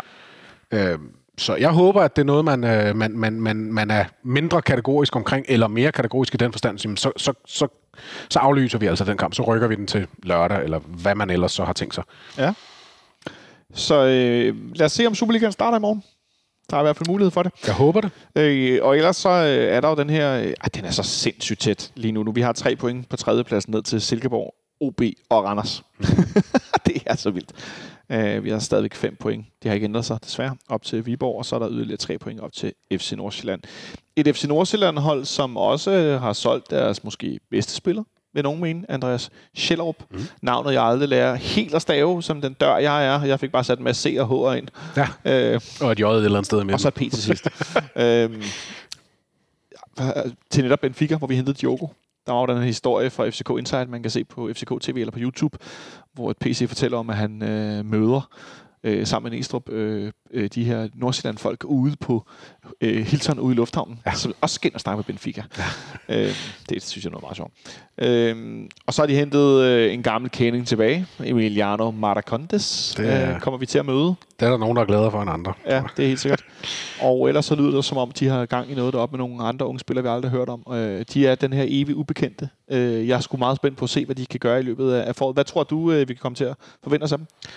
Nå, men jeg forventer mig sådan set et, øh, et, et ganske solidt FC Nordsjælland-hold. Øhm, altså, de, de, ja, de har også skiftet træner, skal man, øh, skal man også huske at nævne i den, ja, det er øh, rigtigt. i den stilling. Men, men igen, så lige præcis i det her tilfælde, så er det måske fair nok ikke at nævne det, fordi jeg tror virkelig, det har minimal betydning. Plus, at Flemming Pedersen er jo stadig i trænerteamet i Ja, og han-. Ja, og skal jo blive teknisk direktør, så altså, han er jo omkring det. Ja. Øhm, så, så hvis der er noget som helst, så, så er han der jo. Så det er ikke fordi, at det er sådan, man bare smider en ud, og så skal man starte noget nyt. Så det er det mindst dramatiske trænerskift måske i nyere tid. Og jeg tror ikke, det kommer til at gøre forfærdeligt meget for deres præstationer. Det Heller ikke være- være... i topkampe, når der, der er pres på, og du skal tage de store beslutninger, og det er en, en mand, der har været assistenttræner, men, men ikke har været, øh, så vidt jeg ved, cheftræner på højeste niveau. Nej, øh, måske. Altså, det, det er jo ikke umuligt, men, men, men de er bare så tro imod deres strategi og imod deres øh, måde at gøre det på, at, at det tror jeg også, at, at, at han vil være, øh, Johannes øh, Hoff Torp, øh, at han vil være i, i topkampssituationer. Ja. Han være tro mod, at det er det her, vi gør, så det er det, vi holder os til. Ikke noget med at, at prøve at, at sætte sig for, at stille sig for langt tilbage, fordi at, oh nej, nu, øh, nu skal vi passe på, eller et eller andet. Der, der tror jeg, at de er så tro mod det, de gør, at jeg, jeg, er ikke sikker på, hvor stor effekt det kommer til at have. Øh, det er klart, at ender vi med at vinde mesterskabet, så øh, vil det jo være oplagt at snakke om, at det havde en effekt. Men altså, jeg, jeg, jeg troede, og troede fuldt og fast på, at vi kunne vinde det, da det stadig var Flemming Petersen, og jeg tror også stadig på, at vi kan vinde det nu, øh, selvom det er skiftet træner. Lad os bare lukke med den. Og så kigge frem mod os mod vores egen kamp på, øh, på søndag i Silkeborg. Det er nemlig sådan, at øh, vi skal spille over i Silkeborg og åbne forsæson i en kamp, hvor udbaneafsnittet blev udsolgt så hurtigt, så jeg næsten ikke engang øh, nåede at registrere, at de var sat i salg. Det var, det var helt vildt. Det var få minutter eller sådan noget, var det ikke det? Ja, noget af den stil. Øh, det er ret imponerende. Men det er næsten, får jeg lyst til at sige, som det er blevet for vane. Ja. Nu er jeg i tirsdags, som sagt, ude at se den her 45 minutter plus 15 minutters øh, trænings... Ja, det var nærmest engang en kamp mod Næstved. Og øh, der var mange mennesker på et meget lille område. Op på den her høj, Ja. hvor der er sådan en lille plateau, man kan gå ned og stå og se træning på. Øh, mit bud er, at der var 200-300 mennesker. Plus, at der var så mange mennesker, der stod folk over ved KB-hallen, over på den anden side af den anden bane. Ja. Altså meget langt væk, meget over. Og øh, hvis, der, hvis jeg skulle misunde Brøndby noget som helst, men det er jo også andre, men ikke andre steder i Danmark, så vidt jeg ved, så er det, at de har på deres bane 1 eller 2, hvad det nu er for en af dem, så har de faktisk tilskuerpladser. Øh, hvor man Åh kan ja, sidde og se træningskamp eller reserveholdskamp. Ja. Øhm, nu har det jo, det er jo ikke nogen hemmelighed, at vores træningsanlæg længere har været lidt en varm kartoffel i forhold til faciliteterne og størrelse på faciliteterne, og hvor mange omklædningsrum er der, og man deler med alle mulige. Øh, Det er jo ikke som i gamle dage, hvor de havde omklædningsrum faktisk over ved KB-hallen Nej, og det jeg delt godt huske. med, øh, med, hvem der nu ellers var ungdomsspillere osv. Øhm, men det er stadigvæk lidt presset. Man har også sat de her øh, containerhus op ude foran, øh, ude foran øh, tieren, fordi simpelthen for at få flere kvadratmeter. Mm. Øh, jeg stod derude i tirsdag, så kiggede jeg sådan lidt. Kunne man lave noget mere jord, og så lave tre, fire rækker sæder, og så ligesom have hen langs med banen der? Mm. Og så tænkte at det kunne man sgu nok egentlig godt. Men spørgsmålet er, om man gider at begynde at bruge energi på det, og ressourcer på det, når man måske alligevel kigger på en mere sådan større permanent løsning. Men jeg kan godt forstå, at man holder fast i det historiske ved at træne på KB's anlæg. Ja, og midt i byen. Ja, og midt i byen. Øh, fordi det er jo ikke nogen hemmelighed, altså at KB Københavns, eller nærmest, nu skal jeg lige sige det rigtigt, Kø- Københavns boldklub, Ja. som jo ikke ligefrem blev stiftet i forgårs. Nej, Øh, er det, er det ikke? Jeg synes, jeg har fået at vide en gang, at det er den ældste fodboldklub i verden uden for England. Eller sådan noget. det, er den, øh, det er den ældste klub på fastlandet, eller på kontinentet, Ja. som er stiftet 26. april 1876. Altså 146 år siden med andre ord. Øh, det, det er altså voldsomt. Øh, og jeg kan godt lide, at man holder fast i den historie, og man træner tæt på de unge, Mm. øh, som løber derover, øh, når de bliver en vis alder. Nogle af dem, så de starter inde på Pil Allé, inde ved, ved tennisbanerne, mange af dem inde ved Zoologisk Have, øh, inde ved Valby Bar, på indersiden af Valby Bark. Men det der med, at de løber lige derover og kan se Superliga-holdet derover nogle gange, øh, jeg synes, der er noget synergi i det, som er mega fed at holde sig tæt på de unge, og de kan gå og se op til dem, og nogle gange, hvis de har trænet, kan de løbe over og se første holdet spille en træningskamp eller tre, et eller andet. Jeg kan bare godt lide, at man ikke er alt for fjern, og det ikke bliver de her, øh, de her hegn med grøn plads på, som aldrig kan se noget, og som i Premier League, hvor de træner ude i ingenting på en eller anden mark, hvor man har lavet et anlæg med superfaciliteter, og så kører man i bilen en halv time ud for byen, og så er de derude, og man er ikke i nærheden, og og det der med, at børnene får autografer, de står der ved hegnet og sådan noget, øh, det kan jeg meget godt lide. Om enig, og, og, og altså, det, det spænder også godt sammen med, at man har et stadion, som ligger midt i byen. Og det, det bliver meget øh, københavnsk, kan man sige. Ja, jeg synes i hvert fald, der er noget forankring, som man ikke bare lige må give kald på, men jeg kunne godt tænke mig, at der var nogle tilskuerpladser. Hvis jeg nogensinde skulle misunde motorvejssammenflætning eller noget som helst, så skulle det være det. Øh, fordi det kunne altså være fedt til sådan en kamp der den anden dag, hvor jeg ender med at stå og se 40% eller 50%, fordi der bare står for mange mennesker. Mm. Og nu er jeg ikke, øh, det er jo ikke fordi, jeg er den højeste værd, men er heller ikke den laveste, men jeg kunne alligevel ikke se særlig meget. Så altså, det kunne være meget fedt. Jeg kom endda næsten en halv time inden kampen startede. Nå, gjorde du det? Ja, ja. Okay, der, var, der var så mange mennesker, det var helt åndssvagt. Men nu var det så også uge 7. Det var vinterferie Ah, ja, i Københavnsområdet. Men samtidig så, så skrev Sebastian Stanbury for, øh, for Mediano, han skrev, at han var også derude, og så skrev jeg lidt, at det var også vinterferie. Så var han sådan, jo, men sådan her er det hver gang. Nu har jeg ikke været til en træningskamp ude et stykke tid. Han siger, det er det samme. Det er lige meget. Ja, okay. Jamen, jeg har faktisk heller ikke jeg har været til træninger derude, og det er sjovt nok ikke lige så velbesøgt. Nej. Men øh, træningskamp har jeg faktisk ikke Men været øh, inden, bare lige for at runde af, Mathis, jeg tænker, måske, øh, sådan, hvis vi skulle trække en teori ud af lommen, og må det måske også spejle lidt den generelle interesse for vores kampe, at der er så mange til de her træningskampe. Fordi at der er jo, altså for gang nummer 100, får jeg lyst til at sige, nu skal vi spille øh, mod, hvad hedder det, mod, mod OB i næste uge. Mm. Og der er bare solgt sindssygt mange billetter. Der er nu øh, 30.000 billetter aktiveret. Mm. Fami- det sidste er fra i dag, kl. 14.20. Øh, familietribunen snart er udsolgt til OB-kampen. Sidste udkald under 200 ledige billetter. Der er udsolgt på nederse, der er udsolgt på hele sektion 12. Øverse begynder at være rigtig godt fyldt op. Øh, og øh, afsnittene C7 og C9 er udsolgt nu. Mange andre er tæt på at være det. Mm. Der er gode pladser på A-tribunen for 120 kroner for voksne og 60 kroner for børn. Der er en uge til. Vi er i februar måned. Vi er mange point efter nummer et. Vi ligger nummer tre i ligaen. Og det bliver bare ved. Jamen, det, jeg, jeg synes, det er fantastisk. Det er skønt. Er du bange for, at vi rammer et glasloft på et tidspunkt? Med tilskuerne, med tilskuerantallet? Altså, det er jo svært ikke at tænke, at på et eller andet tidspunkt må det gå ned igen, men, men når man ligesom tænker på, i hvilken periode det, det er gået så meget op. Jeg ved godt, vi ender med at vinde et mesterskab sidste sæson, men sidste sæson var jo også helt vanvittig på den her punkt, og en ny rekord for gennemsnits mm. øh, tilskuertal og alle de her ting. Ja, altså jeg ved ikke sådan noget, det går vel altså ligesom konjunktur, højere og lavkonjunktur, det går vel lidt op og ned, men, men, men jeg, jeg tolker det klart som om, at man har ramt en ny baseline. Hvor et baseline måske for, lad os sige, fem år siden, det var måske 10 eller 12.000, så er baseline nu, det er 20.000. Ja, det, altså det lyder ikke dårligt. Det er ikke sådan, at jeg begynder at klage, hvis du får ret. Nej, men, og, og, og det er det, det virker som om, at som du selv siger, selv når vi er øh, langt efter, øh, når vi er langt efter Nordsjælland i, i, i, i front, og vi, vi er jo ikke sådan, jo, at, at tingene ser spændende ud og købe gode spillere og sådan noget, men det er jo ikke fordi, at man bare forventer, at så kommer der bare mesterskabet ind. Selv da, så, øh, så, så giver det noget. Det er, jeg synes, det, det er fedt at være en del af. Jeg synes, det er, det er fantastisk. Det skal Ja. bare blive ved. Jeg synes det er ret ekstraordinært. Vi er 8 point efter, bare lige for at have det på det rene. Ja. Øh, og nu er vi med at tale noget helt andet Silkeborg-kamp. Nu prøver vi at tale om Silkeborg-kamp. det kan jo ske. Jeg synes bare, det var værd lige at nævne de her ting. Øh, vi spillede den her øh, time mod Næstved, og det var klart, at spillere, der havde brug for det, fik de også sagt. Øh, til startopstillingen var der ikke så mange, der kunne øh, byde sig til. Vi havde øh, Kevin Dix som midterforsvar, øh, som jeg synes så rigtig fint ud. Han var meget verbal. Han lignede lidt mere gamle Kevin Dix, og ikke så meget øh, usikre Kevin Dix. Selvtillidsforladte Kevin Dix. Han, han lignede faktisk mere øh, en gammel model af sig selv. Han spillede ved siden af Valdemar Lund i midterforsvaret, der gik ud halvvejs i det her spil. Der forlod det, at nogen havde stået, så, fordi så mange mennesker var der tæt ved bænken, og så havde Stefan Madsen sagt, nej, nej, det var planlagt. Jeg kom lige stå på efterfølgende sagt til, FC Køb, øh, til Copenhagen Sundays, at det var vist ikke helt meningen alligevel, men ah, så var det han sagde det vist ikke direkte, men han fik sagt, at han havde ikke lige talt med fyserne endnu. Nej, Så det vil jo sige, det indikerer i hvert fald ikke, at det ikke har været planlagt. nej, men øhm, det, det var heller ikke sådan, at han humpede ud, lad mig sige det sådan. Nej. Øh, så var der på, på, på midtbanen Rasmus Falk, som har, har fået så langt hår, at han nu spiller med hestehale. Det ser meget interessant ud. Han ligner sådan en lille spejset viking. øh, han så rimelig fit ud øh, på midtbanen, øh, hvor han blandt andet spillede sammen med Isak og Stamenic. Øh, på højre fløj havde vi Peter Ankersen, som jeg må sige øh, lignede Peter Ankersen, som vi har set om det sidste lange stykke tid. Han var masser af boldbesiddelse, men var lidt vag. Mm. Øh, så havde vi foran ham øh, Rooney Badaci, der blev sat enormt meget i spil, og som har nogle fine aktioner i løbet af den her øh, korte kamp. Øh, Scorer også mål. scorer også et mål, ja.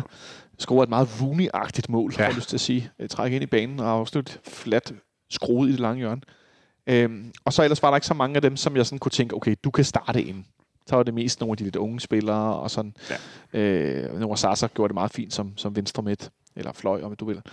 Øhm, men øh, Valdemar Lund, der går ud, øh, det er ikke, ikke så rart og betryggende. Øh, vi har jo snakket meget, Mathias, om det her med kun at have tre egentlige midterforsvar, og, og både, øh, hvis man ser, man, man kan godt gense nu, med, man får det, det her 15 minutters FCK Insight, ikke- eller ikke Insight, hvad hedder det, Klubhuset, Ja.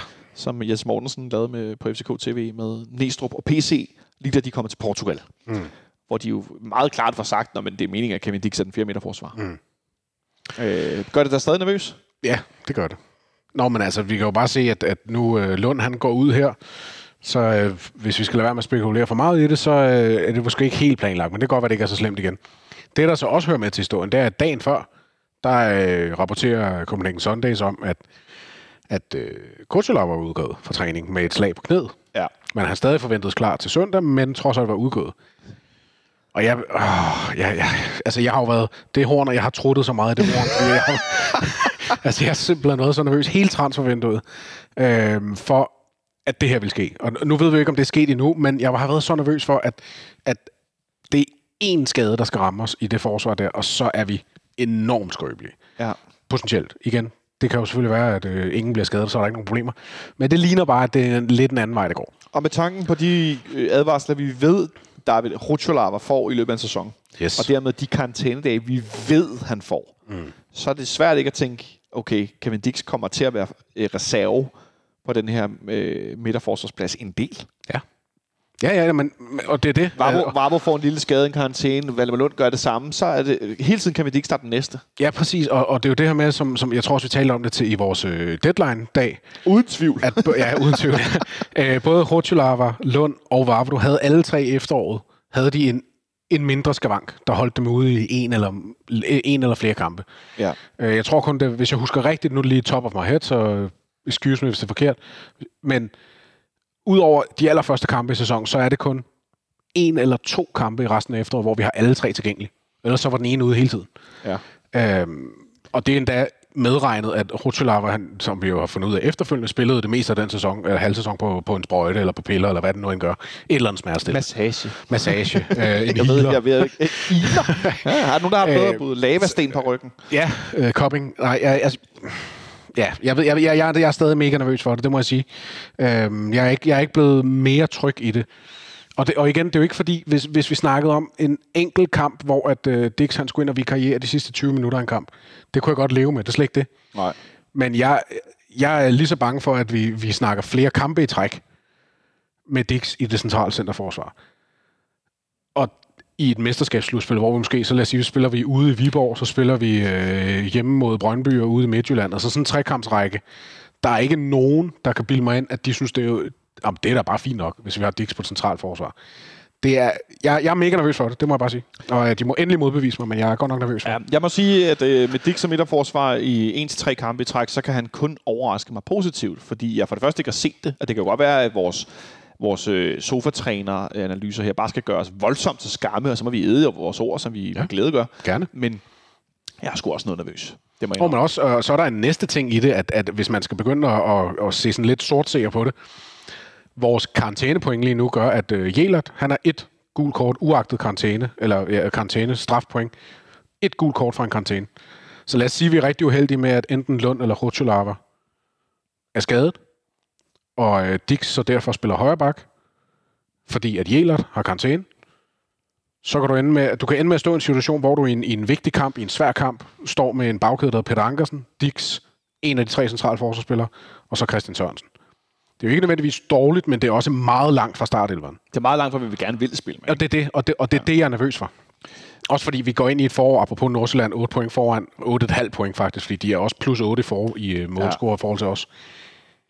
Det er ikke mange point, vi har råd til at smide, hvis, hvis vi skal vinde mesterskab. Og ved et groft frispark, altså et, der giver seks øh, disciplinære point, er det det, det hedder? Ja. Strafpoint hedder Yes. det. Strafpoint, det er et vildt ord. Ja. Øh, ved seks øh, strafpoint ved et gult kort, altså et, et, et groft frispark, der vil Victor Claesson, Valdemar Lund, Isak og Kevin Dix alle sammen få karantæne. Yes. Det er altså også voldsomt. Øh, Så vi ligger lige på en skillelinje. Lad os lige få det afviklet ret tidligt, så øh, nogen er, er fri af noget.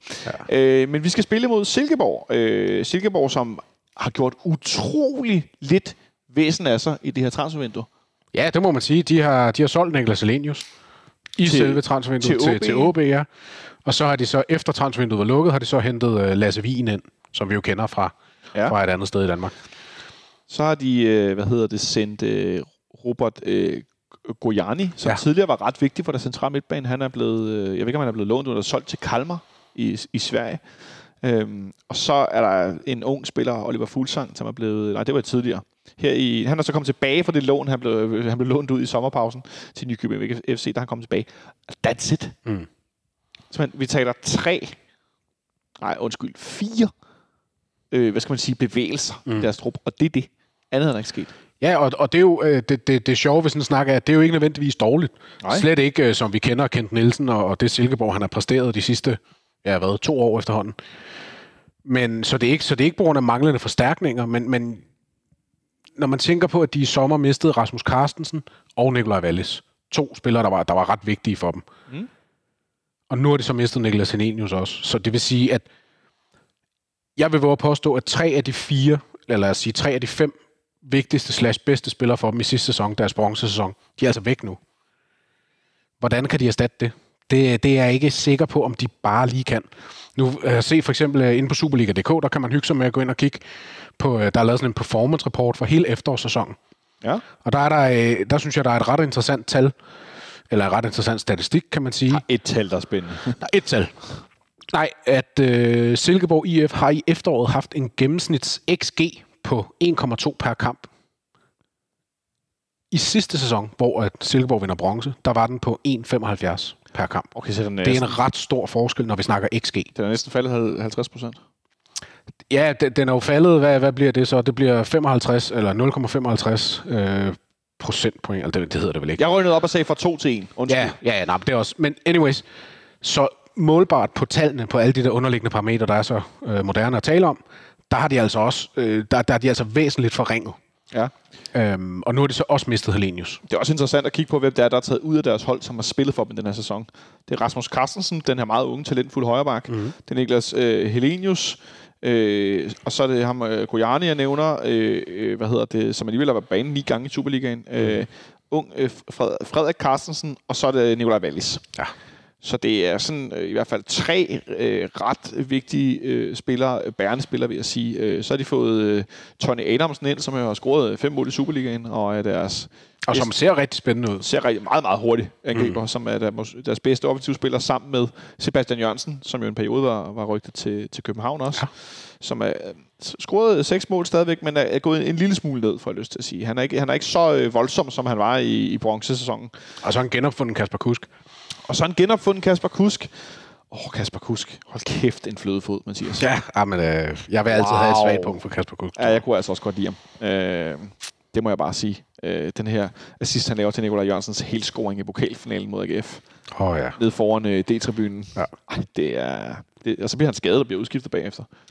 Men øh, han, han, øh, jeg, jeg er ked af, at han aldrig lykkes bedre. Den, den forsigtige, søde øh, mand. Ja. Fordi at øh, hans fodboldtalent og teknik er øh, på et helt vildt niveau. Men der, det virker som, der nogle gange lige mangler lidt, øh, lidt power og lidt kynisme nogle gange. Sådan kan det gå. Øh, men det Silkeborg-hold, øh, ja, hvordan har deres, øh, deres vintersæson været, hvis man kan kalde det det? Deres, øh, deres øh, hvad skal man sige, opstart i- med træningskamp og så videre? Jamen, jeg synes egentlig, det ser, det ser okay ud. Det er jo altid svært at vurdere, Altså for, hvor dem, meget på for dem eller for os, når vi skal Nej, ja, ja, for dem øh, i første omgang. Altså, de, øh, de starter ud med at tabe øh, mod Viborg. Det er jo... Viborg ved vi, hvor stærke de er. Og så taber de så en kamp mod Vendsyssel også. Nu vil jeg ikke gå ind i, hvilke opstillinger de spiller osv. Men derfra så har de så vundet mod Aarhus Fremad, mod øh, Nordsjøbing. Det er jo så øh, Glenn Riddersholms helte. Øh, og øh, den sidste træningskamp mod, mod Sogndal. Og spiller så også nu uafgjort mod Bode Glimt. Ja. Altså, så, så man kan sige, nu, hvor, hvis man igen, når man skal kigge på, når man nærmer sig sæsonstart og sådan noget, der virker det som om, at de har præsteret meget godt. Og apropos Tony Adamsen, han har jo scoret i nærmest alle kampe, han har spillet i den her efters, eller i, øh, i, i, i hvad hedder det, forsæsonen. Så jeg, jeg synes jo ikke, det ser helt skidt ud. Men jeg har ikke særlig stor tro på dem, når vi skal, hvis man skal snakke om top 6. Og jeg tror også, at jeg, jeg føler mig faktisk rimelig komfortabelt for, på vores vegne, frem mod, at vi skal derover. Øh, det er så lige så meget, det handler selvfølgelig lige så meget om, hvor- hvordan jeg tror, hvordan jeg ser os, PT, men også fordi, at øh, den udbane, det tidligere var med plastiktæppet og, og alt det der, det, det er jeg ikke så nervøs for. Hvordan kan det være? Jamen fordi, for det første, frem, først og fremmest, fordi vi står stærkt, synes jeg. Jeg synes, vi står rigtig stærkt. Så er der det med det, at Silkeborgs, i min optik i hvert fald, bedste forsvarsspiller, Tobias Salkvist, han udgik i en af deres træningskampe med en, øh, en hovedskade, altså sådan noget hjernerystelse sagt i noget. Åh, for helvede. Øh, og det er jo sådan noget, det ved vi, det kan tage rigtig lang tid. Og øh, for mig at se øh, med min øh, indrømmet forholdsvis korte research, der virker det ikke som om, at han er kommet tilbage i kamp siden da. Og det, det tror jeg er et stort slag for dem. Fordi han er, som sagt, i min optik er han deres bedste forsvarsspiller. Og så igen, de har mistet Helenius, så har de så Tony Adamsen, der bringer noget andet. Men Helenius er stadig Helenius, og har været rigtig god for dem. Jeg hørte øh, Benjamin Lander komme med en statistik for øh, de kampe, Silkeborg havde spillet uden Helenius, hvor de havde, jeg tror, de havde tabt seks og spillet to uger og ikke vundet nogen. Øh, det er jo ikke øh, positivt nyt for dem. Nej. Men omvendt er det positivt nyt for os, kan vi sige. Hvis jeg ikke tager meget fejl, så er det helt tilbage øh, den 21. 1. altså 21. januar i, i deres kamp mod Vendsyssel, hvor Salkvist går ud øh, tidligt, allerede efter 11 minutter. Ja. Så, så, og jeg kan heller ikke se, at han har været i kamp siden. Nej, det, det mener jeg nemlig heller Det er ikke. så længe siden. Øhm, Ja, det ved vi jo, sådan noget hovedskader. Det skal, så Øh, for det det første skal man selvfølgelig tage det alvorligt, ja. men det kan virkelig, altså hvis det har været en, en, en grim hjernerystelse, så, så er det også noget, der kan tage lang tid. Ja. Øh, så et Silkeborg-hold, som er øh, sige, på mange måder tæt på, tæt på, hvor de var i efteråret. Ja, og, og, og igen, og så kommer det tilbage til, hvor var de i efteråret? Altså, de ender jo øh, sæsonen som nummer 4. Samtidig med, at de har spillet et europæisk gruppespil, hvor de faktisk gør det rigtig fint. Ja. Øh, og det er jo ikke dårligt. Men hvis man så sammenligner, nu nævnte jeg de her tal før med XG, hvis man så sammenligner med det Silkeborg-hold, vi, havde, vi så i sidste sæson, så synes jeg ikke, det har set lige så skræmmende ud. Nej. De slutter også af med at tabe mod Lyngby. Ja. Øh, hvilket jo selvfølgelig heller ikke, det er jo efterhånden nærmest et halvt år siden, men, men det er jo, det, jeg synes ikke, de er sådan super skræmmende. Nej, de taber, de taber til Lønby i efteråret, som er Lønbys eneste sejr i yes. Hele efterårssæsonen. Ja. Nej, det er ikke så godt. Øh, en, en sidebemærkning. Øh, I løbet af vinterpausen her, øh, var der en eller anden på Twitter, der retweetede øh, en video. Øh, en eller anden fan har klippet sammen af Silkeborg-mål fra hvad var det 86 og frem til 2014 eller øh, 20, nej 2022 Nå, af sådan gode mål. Ikke alle mål, men gode mål. Mm. Øh, og der var alt fra sådan noget gammel VHS, der flimrede til helt nye videoer og sådan noget. øh, I sådan en lang øh, smør. Den varede lang tid. Jeg så noget af den. Jeg lå derhjemme og var syg. Ja. Jeg har ikke fået set den hele. Og så kan man sige, hvorfor fanden ser du med Silkeborg-mål? Fordi sådan nogle, sådan nogle mål, man aldrig har set på det gamle Silkeborg-stadion, hvor der kan være 3.000 tilskuere. Mm. Morten Brun, der gang på gang på frispark smadrer bolden op i hjørnet. Jeg Det troede ikke mine øjne egen. Nej. Mine øjne egen. Mine øj, øh, egne øjne. Nu kan jeg ikke engang tale heller længere. Så chokeret er jeg stadigvæk. Som simpelthen tordner bolden op i hjørnet. Altså, det er meget sjovt at se, og så også alle, nogle mål her mod os herinde. Nej, var vi dårlige nogle gange. Men bare sjovt at se sådan nogle gamle mål og alt muligt skævt, man aldrig har hørt om og set og sådan noget. Nå, det var et tidsspor. For vi skal tale om vores egen startopstilling, Mathias. Vi skal tale om vores hold, som det ser ud lige nu. Du taler om, du synes, vi ser stærke ud. Kan du ikke prøve at sætte nogle ord på, hvad er det, der gør sådan helt konkret, du synes, vi ser, vi ser rigtig stærke ud? Øh, jo, så vil jeg starte med at sige uh, Jakob Næstrup. Altså, det er simpelthen... Øh, jeg er kæmpe fan af Jakob Næstrup, det tror jeg ikke, der er nogen, der er i tvivl om, men fra den dag, han overtager Ja. trænersposten, der har vi set enormt solide ud, både offensivt og defensivt. Vi har tilladt meget få chancer imod, vi har også fået scoret få mål imod os, øh, hvis vi lige tager Champions League ud af ligningen i hvert fald. Men nu hvor vi snakker Superliga. Så det er ligesom den første årsag, jeg har til det, at det så så godt ud, så hurtigt og så solidt, så hurtigt. Så hvad kan en, øh, en opstart ikke gøre ved det? Og jeg synes også, at de kampe, nu har jeg ikke fået set øh, alle kampene i vores opstart, men jeg har selvfølgelig set uh, som minimum highlights. Og jeg synes generelt, den, den følelse, jeg har, den der følelse af soliditet, den har jeg, når jeg, når jeg har set vores, vores træningskampe også. Og igen, man skal ikke lægge alt i træningskampe, men, men de er trods alt en eller anden form for pejlemærke. Hvor mange mål har vi lukket ind i Superligaen med Jakob Næstrup som cheftræner? Vi har lukket tre ind. Og det er godt svaret. Vi har simpelthen lukket tre mål ind i de her to, fire, seks, syv kampe. Ja, og, det er jo, og når man så lige kigger tilbage, det er til sidst mod Nordsjælland, det er Ja. til sidst mod Brøndby, Ja. og det er til sidst mod... Nej, ikke til sidst mod Midtjylland. Der, der brændte vi straffe til sidst. Det var sådan, det var. Godt, så der var noget... Ja. Det var en vild kamp, hvor Ivan der scorede det der frisparksmål. ja. Nå ja, yes. Det var der, det var selvfølgelig. Ja. ja. Øh, men, men i hvert fald, altså, det, det har sgu set, øh, det har set godt ud, det har set solidt ud, og, det, og jeg synes, det er... øhm, det giver mig god tro på det. Altså, og, og så derudover, så har vi fået polstret vores offensiv med Jordan Larsson, som vi talte om. Vi, snakker, vi har fået Diogo Gonçalves ind, som jeg synes ser rigtig spændende ud. Begge to, for den sags skyld. Men især Diogo Gonçalves. Han ligner en, der kommer ind med et niveau fra en bedre klub og et højere øh, niveau i klub og liga, og bare tilføjer det til os på en eller anden måde. Ja. Jeg synes, han ser enormt spændende ud. Han kan i hvert fald sparke straffespark, skulle jeg at sige. Ja, og det er jo faktisk interessant nok, det der med straffespark, fordi at øh, vi så jo, nu fik jeg lige mindet os alle sammen om det, at Klaarsson, der brændte et, et straffe. Det virker som om, at når man lige ser træningskampen her, der Diogo, han har sparket to, Ja. og han virker som, på mig som om, at han er første sparker nu. Ja, det tror jeg, det tror jeg slet ikke, der er nogen tvivl om. Nej, nej. Altså, det, så man, man kan selvfølgelig begynde at snakke om, hvem har været på banen på de tidspunkter og sådan noget.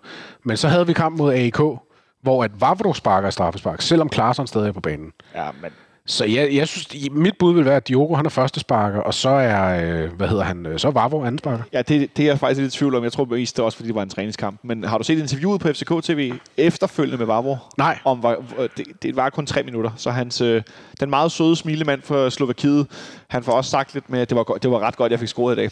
Ja. Som i, han jo havde tordnet over den der Det er rigtigt, ja, det havde han selvfølgelig gjort, det er rigtigt. Øh, så det var ret også rart for ham og godt for ham, at han ligesom fik gjort noget andet. Han fik løftet det et andet sted hen. Øh, men vi har- havde lidt mangel på naturlig straffesparksskytte i, i efterårssæsonen, og det må man sige, det tror jeg altså bare er fuldstændig skåret i sten nu, hvem der, der sparker. Det tror jeg også, og jeg tror, vi har flere ombud. Øh, Jordan Larsson, han lignede også en, der godt kunne finde ud af at sparke straffespark. Ja. Mod, det har så Øh, været mod Viking. Så var der også en anden fin video for træningslejren i forhold til at sparke det frispark, hvor at, uh, Rooney, uh, Christian Sørensen og Jordan Larsen lige Ja. kryllede den op i krogen hver. Uh, nu ved jeg ikke, hvor meget der var klippet i forhold til, hvem der sparkede hvornår, Nej. og hvor mange gange de sparkede. Men, men det virker som, at, at der er kommet lidt løft på dødboldene, som var noget, vi også her i fanradioen diskuterede en del i, i efteråret mm. uh, i flere omgange. Uh, nu har vi snakket lidt om, at Altså noget, vi diskuterede meget sidste år, jo, eller som var lidt op og ned, det var vores målmandssituation. Det er meget klart, hvem der står på mål på søndag. Det gør Kamil Gabata, øh, som jeg synes personligt har set godt ud i de her træningskamp. Mm. Han har nogle store redninger undervejs nogle gange. Nogle af de der sådan, okay, en lidt dårlig mål, man tager ikke den der. Det er et mål. Altså, Ja, de der sådan helt enig. afgørende, det er forandrende redninger. Det du ikke forventer, han tager. Øh, så, så i, for første gang i lang tid, får jeg lyst til at sige, så er det meget, meget klart, hvem der er første målmand. Eller det vil nogen sige, det var det også i efteråret. Men der er ikke nogen Nu, tvivl. nu er der slet ikke nogen tvivl. Nej, det er Camille. Og Kalle, han er øh, Rooney Storbror, som man kalder ham på, på Instagram. øh, og en rigtig god træningsmarker, tror jeg for øvrigt også. Han er en, en teamplayer om nogen, Karl Levensen. Ja, lige præcis, og en klubmand, Ja, virker det som om. ja det, det synes jeg nok. Øh, lidt længere fremme, øh, Elias Jæler ligner klart førstevalg på højre bakken. Ja. Ja, det tænker jeg. Altså, jeg, jeg synes jo faktisk, at Elias Jelert, han er vores første valg på bakpositionerne, Ja. vil jeg faktisk sige. Ja. Ja. Men, men altså, jeg, hvis vi skal snakke startopstilling mod Silkeborg, så er jeg ret sikker på, at den hedder Jelert højre, og så Christian Sørensen over den anden side. Og lad os lige dvæle øjeblik ved Christian Sørensen, fordi det her er vel hans, jeg får lyst til at sige, karrieres største mulighed overhovedet. Det må man sige, ja. Det må man sige. Altså, han står med muligheden for at spille sig fast ind på et FC København-hold, og, og det ved vi jo bare, øh, at, at det kan altså også kaste ting af sig i forhold til, at vi kan begynde at snakke om landshold og sådan nogle der ting. Altså, hvis du spiller fast og spiller godt i FC København, som præsterer godt samtidig, ja. så kan det altså løfte dig op på, ja, nu tør jeg næsten ikke sige, en anden hylde, end, ja, end men, hvad man men- ellers har set. Ja. Så jeg, jeg, jeg, altså, jeg er spændt på Christian Sørensen. Jeg synes også, jeg kan godt lide, at selvom jeg gerne havde set en, en ekstra gradering på bakpositionerne, så, så kan jeg godt lide ideen om, at det det er hans plads som Ja. udgangspunkt. Og da han er den eneste venstrebenet, så må vi tænke, ja. At, at han i hvert fald øh, spiller den. Og så må vi se, hvordan det går. Jeg må sige, at jeg er lidt mere nervøs for den, end jeg er faktisk for, for midterforsvaret, hvor der er flere om den. Men det der med kun at have en naturlig. Mm. Jeg ved godt, at Jæler kan spille den. Vi har set det være rigtig godt. Vi har også set det være mindre godt. Øh, da han jo er højrebenet, hvis de mm. formår at lukke ned for det. Øh, men øh, hvis man lytter til vores udsendelse fra december, hvor jeg havde sammen med Benjamin Dane og Martin Oransen besøg af PC og Næstrup hernede i fanklubben, hvor vi jo for øvrigt stadigvæk sidder som altid, så vil man høre også, at de, Benjamin taler om de indre kanaler mm. sammen med Næstrup. Det, det skulle jeg lige have forklaret. Og det er altså de her løbekanaler, mm. øh, som man ikke, hvis du er bak eller fløjspiller, løber du ikke langs linjen. Du løber en gang længere ind i banen fremadrettet. Ja, den halvbrede kanal, tror jeg, de kaldte det. halvbrede De breder er den halvbrede kanal, ja. udtryk, altså. og ved du, ved du, jeg lagde mærke til i weekenden, eller forrige weekend, da jeg så VK øh, for Leicester? Han gjorde det rigtig meget. Han. Okay. løb i den halvbrede kanal. Fedt. Hvor jeg sad og tænkte, det der, det har jeg lige lært. Hey, jeg lægger mærke til noget. Nej, men mere det der med ikke at løbe på, på, på linjen, når du er øh, øh, bak- eller fløjspiller. Mm. At det var meget, meget tydeligt. Øh, Vi har også set det før, men, men jeg synes, det er endnu mere tydeligt nu. Og især når Jelert spiller den her øh, venstre bak og kommer naturligt længere ind i banen. Mm. Øhm, lidt længere frem på banen... Øh, Hvad siger du, centerforsvaret? Nå, det giver måske sig selv. jeg, jamen, det, det ved jeg ikke rigtig. Jeg, jeg har svært ved at sætte nogen ind, som spillede den her ting mod Næstved den anden dag. Den her 60 minutters ting. Ja. Jeg tror ikke, der er nogen af dem, der starter. Det tror jeg Nej, simpelthen ikke. det, og det er jeg enig i. Det er jeg enig i. Og derfor, øh, hvis man skal se til alt det der med skader og måske skader ud af ligningen, så vil jeg også tro, at den hedder Vavro og Rotulava. Det er jeg faktisk ret sikker på, at den gør. Det er jeg Men, næsten ikke i øh, tvivl om. Men for mig at se, så er det Vavro, altså hvis man skal snakke om hierarki i forsvarstruppen, og indtil de har præsteret noget andet selvfølgelig, så tror jeg, at Vavro, han er klar første mand. Det tror jeg faktisk også, han er. Øhm, og så, jeg, synes, der, er jo- jeg synes jo, der er en ting i Vavros spil, som jeg lagde mærke til mod slutningen af efterårssæsonen. At han begyndte mere og mere, at, altså når, når modstanderen stod lavt, og vi ligesom spillede den rundt i gryden, så at sige, Ja. så begyndte han at trække nogle meter længere frem, modtage bolden, og så klappe til den. Og han havde jo tre forsøg på stangen, eller på stolpen hedder det jo. Han havde i Tisted, ikke? Han havde to i Tisted, en på, en på direkte frispark, og så en bare udefra. Og han har også en i Aarhus. Han har nemlig også en i Aarhus, ja. Og han har også derudover to eller tre andre, bare i de sidste tre kampe, Ja. hvor han altså sparker udefra og så rammer på mål. Altså, så- og det, det tror jeg er en, en ting, man sådan helt bevidst har sagt, det her, det skal vi gøre noget mere af. Fordi så skal modstanderen også længere frem på banen. Lige præcis, lige præcis. Nå, og der er ikke så det er en mange god andre, måde at udnytte det her. på. Og vi ved jo, at, Vav, eller Vavro, han kan sparke øh, som en vanvittig til en fodbold. Ja, jeg tror stadigvæk, de kan huske det nede i Ludo Godets. Hvis, Ja, i øh, Sofia. I, CSKA i Sofia, i, i. Sofia, undskyld, jeg, jeg, de spillede de også i grønt? Det ved jeg ikke, hvorfor jeg blandet sammen. Men i Sofia, hvor. Sofia, hvor de buede enormt meget, øh, og så, Ja, så løber han bare derhen. og sikkert der råber, no, Dennis, no. Nå, øhm, så vi går med de to store ind i midterforsvaret. Ja, det Tim Dørmand. jo også. Øh, sådan set, så det er faktisk tre store. Øhm, og så længere frem på banen, der er jeg ret sikker på, at øh, vi har nu et klart førstevalg på den her defensive midtbane. Det tror jeg faktisk, vi har i øh, den unge elegantier, William Klem. Ja, enig. Det må jeg bare sige. Det er også det, det, det er jeg egentlig ikke så meget i tvivl om. Og så, så giver det måske lidt længere frem, giver det lidt sig selv. Lukas Lea er som den ene otter, tror jeg.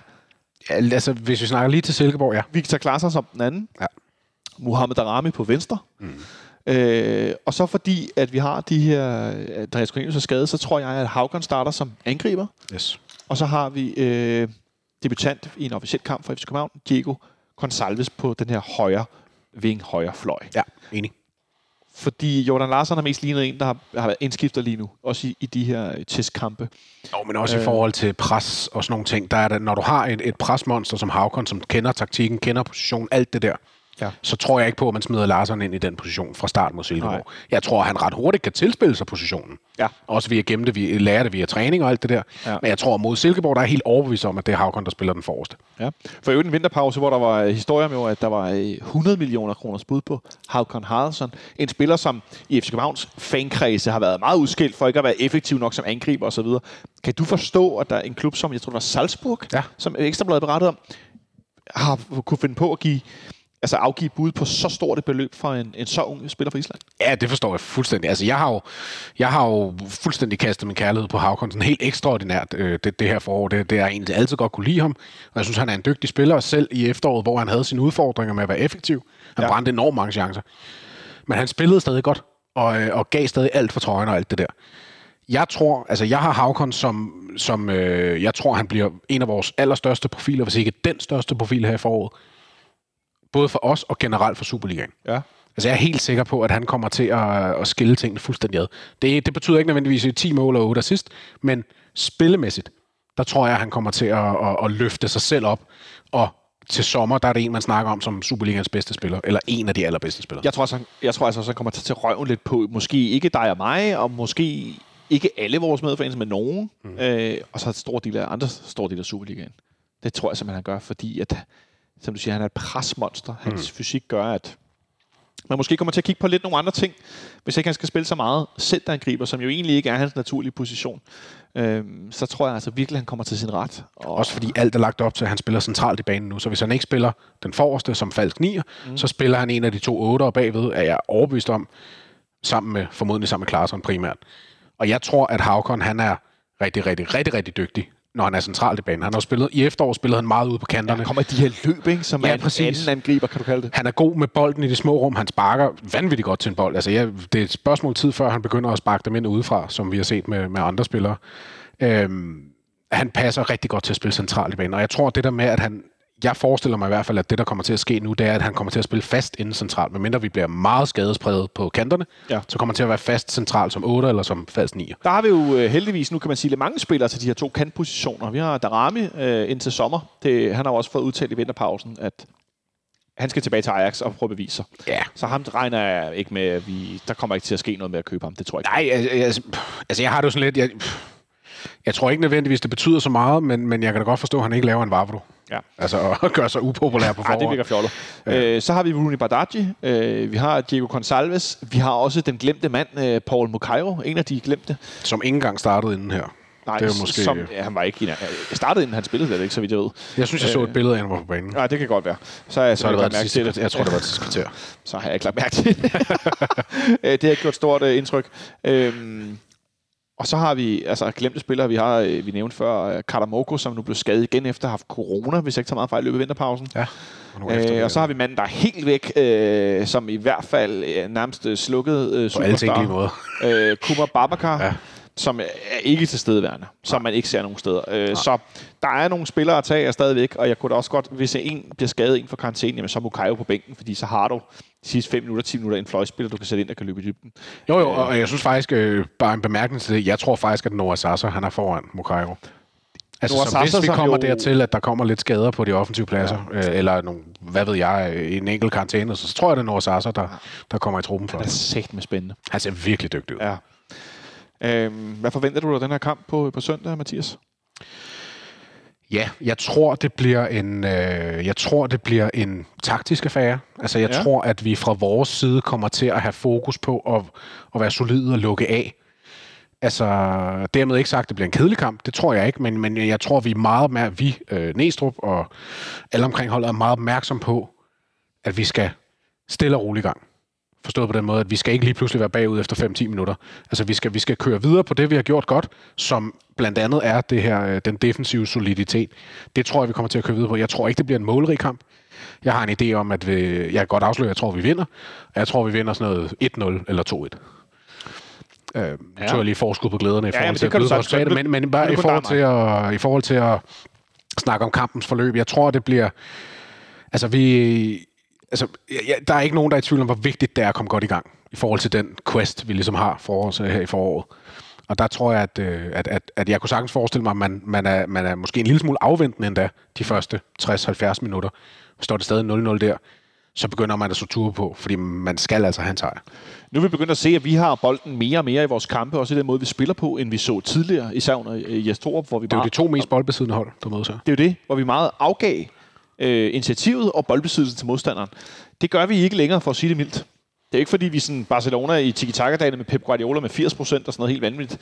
Øh, men, men, men vi har stadig bolden øh, ofte mere end, modstanderen. Mm. Det har Silkeborg også. Hvad tror du, det kommer til at få, betyde for kampen? Er det to hold, som så gerne vil være i boldbesiddelse? Ja, men det er jo... Det, ja, det, det, det, det, det, er jo- er svært at svare på, fordi at, betyder, det, at det, ja, betyder det, at det låser kampen lidt måske? Eller betyder det, at det bliver en enorm livlig kamp? Altså fordi at vi praktiserer også meget det her høje pres, og det tror jeg også, vi kommer til at se øh, i momentvis i hvert fald på søndag. Mm. Men øh, det er jeg ret sikker på, hvis jeg lige husker rigtigt, at øh, Silkeborg de har også en tendens til at køre op i det, især på deres hjemmebane, øh, har de en tendens til, at, til at, at møde modstanderen i et højere pres, Ja. og prøve at bryde bolden og ligesom skabe noget den vej igennem. Altså, jeg, jeg, jeg, jeg kan se den her kamp øh, gå mange veje, sådan rent spillemæssigt, men resultatmæssigt, der tror jeg som sagt ikke, der kommer særlig mange mål. Nej. Øhm, og det tror jeg mest er, er vores fortjeneste i forhold til at, ligesom at sætte sig på kampen. Ja. Jeg, øh, jeg er lidt nervøs for det her Silkeborg-hold øh, høje øh, fart, især i, i, i kontraspil, kommer til at gøre ondt på os. Øh, men jeg må sige, at jeg er noget mere fortrøstningsfuld, end jeg har været de sidste par gange, når vi har spillet over. Ja, I ja, ja. forhold til altså, den der kniv, vi løb ind i den ene gang og tabte, hvad, øh, 3-1. For, altså, det var virkelig, virkelig, virkelig en grim oplevelse. Ja. Øh, det frygter jeg ikke, vi gør.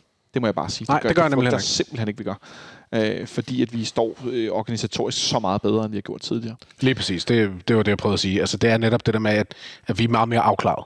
Ja. Både offensivt og defensivt, og sammenhængen derimellem. Ja. Har jeg klart indtryk af. Og så glæder mig til at se nogle af de her, når nu Corner ikke er med, at se nogle af de her øh, spillere kombinere offensivt, hvad de kan få ud af det. De har i nogle, vi, vi har jo scoret nogle mål i de her træningskampe. Jeg ved godt, det er træningskamp hvor der virkelig er blevet broderet. Ja. Der er sådan nogle svenske hold, der blev sendt ud efter nogle pølser. Øh, nærmest til det, alle shirtboller fra alle IKEA, der er nærmest er blevet hentet ja. Ind på store bakker, fordi de, at vi udspillede dem faktisk nogle gange. Mm. Og jeg ved godt, der er niveauforskel. De har lidt længere til deres sæson starter. Ja. Men det her med at kunne skifte to-tre spillere i anden halvleg og bevare niveauet. At det ikke er så tydeligt en reserve, der kommer ind, men at du, du bibeholder det tekniske og det fysiske niveau. Mm. Det er noget, jeg ser frem til. Især offensivt. At man virkelig, du kan skifte efter 60-70 minutter, og så er du bare lige så god stadigvæk. Ja. Det, det er jeg godt nok spændt på at se, hvad vi kan få ud af, både i den første kamp mod Silkeborg, men også på, både på kort sigt i Superliga og på længere sigt i, i mesterskabsspillet. Du gætter på, ja, hvad ender du med? Jeg tror, jeg ender med 1-0. Altså, at, 0-1 er det jo så. ja, at vi vinder 1-0. Vi vinder 1-0. Vil du også sætte målscore på, eller er det for... Øh, Ja, det bliver Havgård.